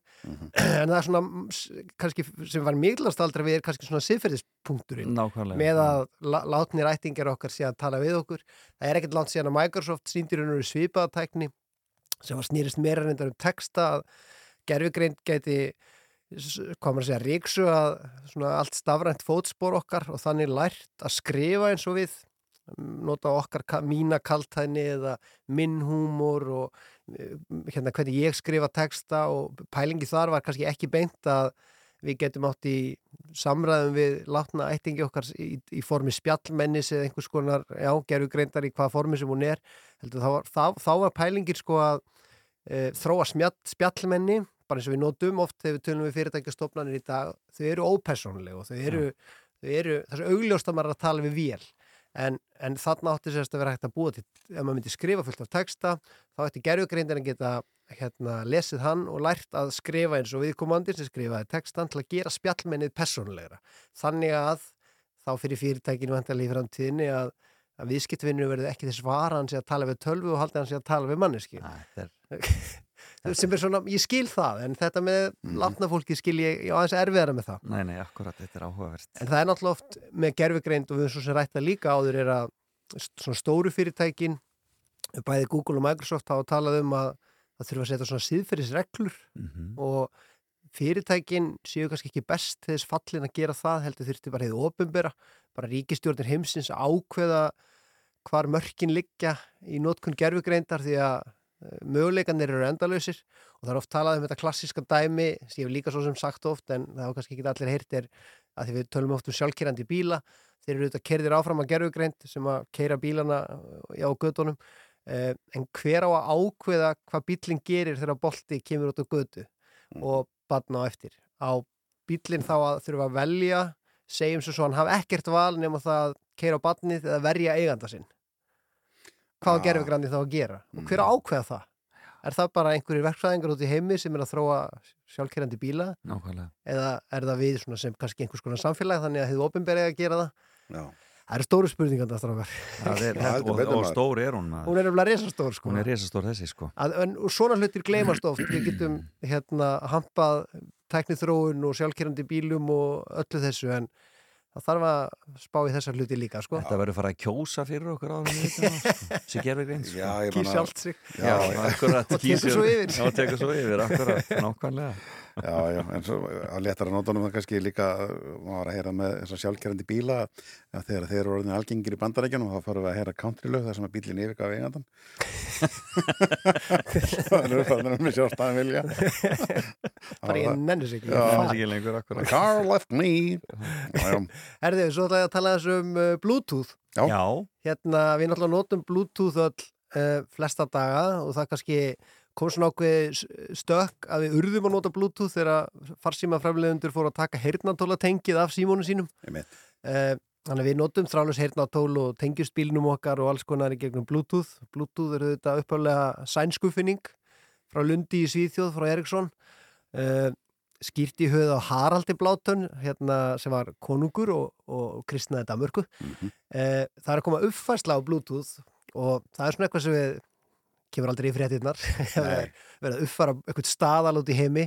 En það sem er samt uh, gott við þessa uppfærslu hún er bara, var kynnt núna um daginn er að uh, Bluetooth heyrnatól ætti að geta uh, spilað í betri hljómgjöðum sem er bara mjög jákvætt og svona tímabært í raun og veru því að margar streymisveitur eru byrjar að bjóða upp á enn meiri hljómgjöði og það er líka þannig og fólk átta sig kannski oftast ekki á því er að fínu dýru heyrnatólinn sem við kaupum út úr búð er að spila langt um langt um neðar heldur en þau geta að því að við erum bara að spila rosalega þjappaða tónlist alla daga Já, út af Bluetooth.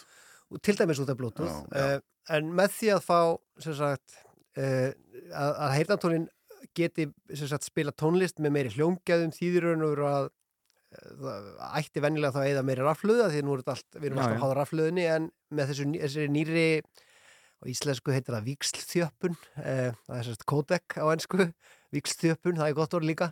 Að með nýri víkslþjöppun að uppfærðiri víkslþjöppun að þá sem sagt getur hún spilað tónlistina eða hljóðum í herrigæðum en sparað rafluðuna þannig að það ætti svona að hérna, því að það heyrðatólun okkar ætti að endast ennþá lengur sem er bara frábært aðeins að þurfa að fara í hlæðslu en svo er annar, annar sem er að koma sem er mjög svolítið spennandi og svolítið sniðugt heitir, kallað það orakast að það þýðir sérst að tæki í, eiga ráða við að tengjast mörgum heyrnatólum sem þýðir einhver að ég geti bara, ef þetta er bara svona raunurlegt dæmi, ég gæti setið heim í stofu, börnum mín farið að sofa, við hjónin ætlum að horfa okkur að mynd, ég vil horfa hátt, kona mín vil horfa látt, þá getum við bara tengt sikkur heyrnatónu við sjónvarpið og ég get hlustað á hæstastyrki í eirónum mínum og hún bara á sínum styrk og það er engin áhrif á hvort annað eða versin með stillingar en eitt það bara er og sama með ef að það er verið að spila bara að ef hvernig að vera í gangi og hérna öll hlaupabrettin í einhverju líkasrættastöður full þá getur nú allir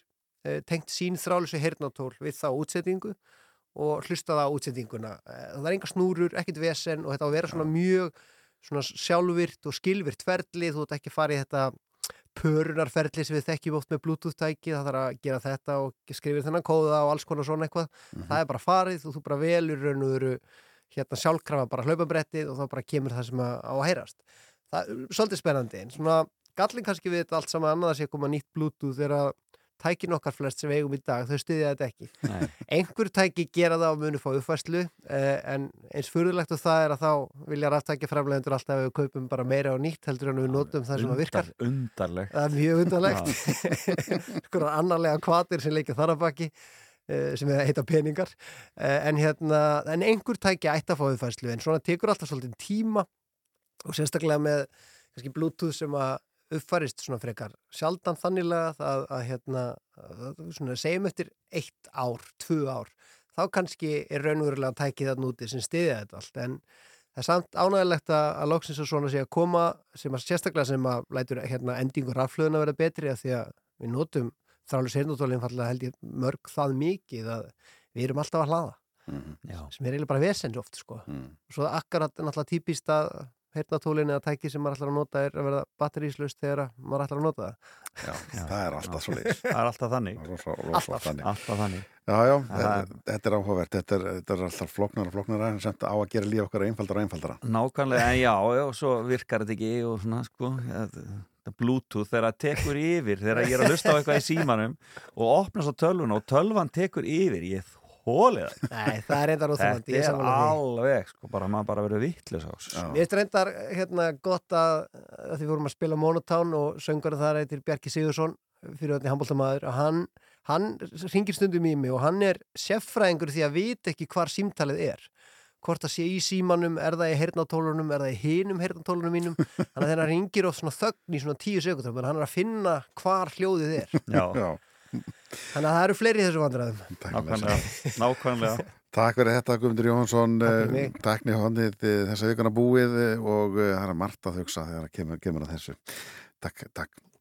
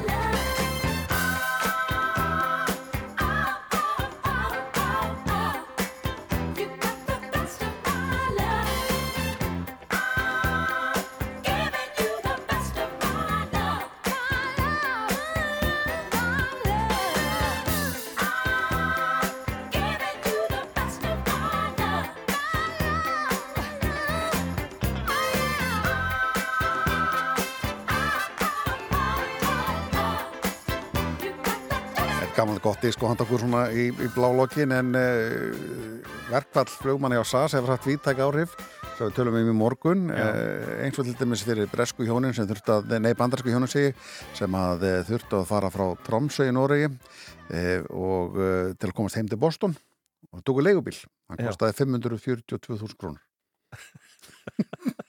Þetta eru 1350 km frá Tromsø. Í. Noregi til finsku höfuborgarana Helsingi einu færu leiðina til að komast heim til Boston. Þetta þau voru Jesus. strandaglópar í Noregi. Það voru búin að fara þetta voru flottu frí það sem sildum norsku fyrðina endur síðan í leigubíl í 1300 km það er svakar þetta vega síðan eftir flug heim til Boston. Þetta er svakalegt. Já. já, já, það er svona þegar að flugmenn fari í verkvall Já, já, þetta segir að þessu inn á, inn á, inn á mbet.is en að komið að leiðalokum hjá okkur í dag, Felix? Já, þetta er búin að ljúft í morgun. Eh, Við fengum eh, pistil frá Vali Gunn, Val Gunnarsinni hér í morgun þar sem hann var á ferði í Úkrænu Já. frá Butcha þar sem að eh, hræðileg fjöldamorður voru framinn Mhm. og svo rættum við aðeins um leiðtóa Björg Kjör Breskra Íhalsmann við hann Viktor Óra Valgarsson Já, einmitt og uh, Máni Peturs kom til okkar hérna vorum við tæknihotni hérna áðan og svo bara léttur spjalli okkar að milli sem að hérna, vorum að velta bara lífinu fyrir okkur. Nákvæmlega, línu til við höldum því áfram hér á morgun í, uh, í morgun útvarpinu hér á Rás 2 Já, Og vonum 6.50 við fyrramáli ver- Vonum við verðið með okkur áfram. Heldur betur til enda þetta hér á eh, lokalagi fyrir eh, nýju frettir er með strákunum í Djúran Djúran sem búin að vera að í 40 og uh, ég heit ekki, fjögur ár. Nákvæmlega. Og uh, voru að slá í gegn með, með tónleikum á- í Hyde Park voru að loka BST festivalinu þar og fá því líka dóma í bresku pressunni. Já. og síðast að platta þeirra uh, heldur betur fengið góða dóma. Og við sem að enda þetta hérna á lagi að þessari síðustu plötu. Þetta er eh, nýjasti, nýjasta lagið sem hafa gefið út svona sem eh, á ennskunni kallar singull. Og þetta er All of You, þetta er Djúran Djúran eins og það er hljóma Smáskífa. 2022 Það er smáskífa. Smáskífa. Takk í dag. Takk svo niður